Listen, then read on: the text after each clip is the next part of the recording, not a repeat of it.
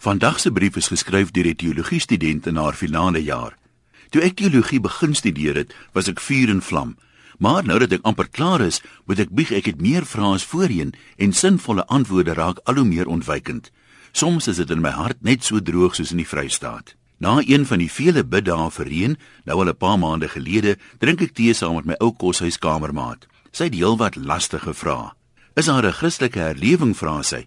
Omtrent elke tweede inskrywing op Facebook gaan oor geloof. Dis byna of mense adverteer dat hulle as Christene 'n lewende God dien en dat hy ons met reën sal seën as Suid-Afrika terugdraai na hom toe.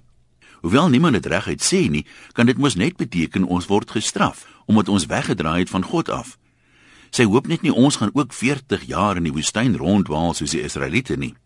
Hoekom praat jy van adverteer, vra ek. OK, spog dan, antwoord sy. Dit laat my dink aan Matteus 6 vers 5 waar Jesus sê ons moenie bid soos die gefeinstes wat daarvan hou om deur mense gesien te word nie. Gaan na jou binnekamer sê hy, sluit jou deur en bid tot jou Vader wat in die verborgene is.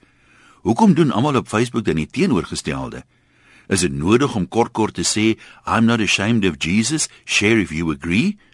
Ek is nie skaam vir Jesus nie, maar wel soms vir sy volgelinge. 'n Mens kan nie met haar stryd dat droogtes kom en gaan nie. Dit was in die middel 1960s laas so droog in die Vrystaat.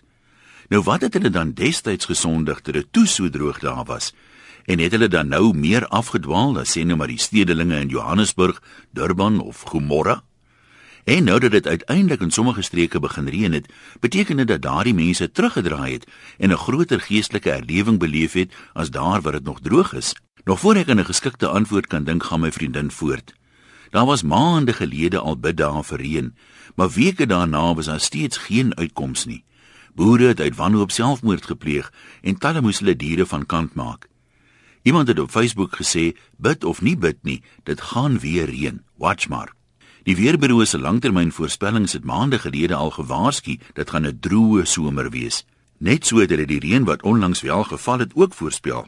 Nou as die Here dan reën skenk soos wat dit hom behaag, Hoe is dit dan moontlik dat mense by die weerbureau sy wil vooruit kan voorspel?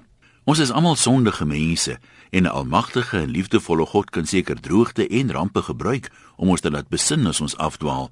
Maar waar kom mense daaraan dat vorige geslagte meer gelowig was? Ek bedoel, as die Here hulle met die ystydperk gestraf het, moes dit dan daai tyd baie rower gegaan het as vandag. Dink jy dit is sonde om hieroor te wonder, vra sy. Toe maar, ek weet jy weet nie. Nog nie, maar jy moet opskud. Die bediening wag vir jou en ons gelowige twyfelaars het dieper antwoorde nodig.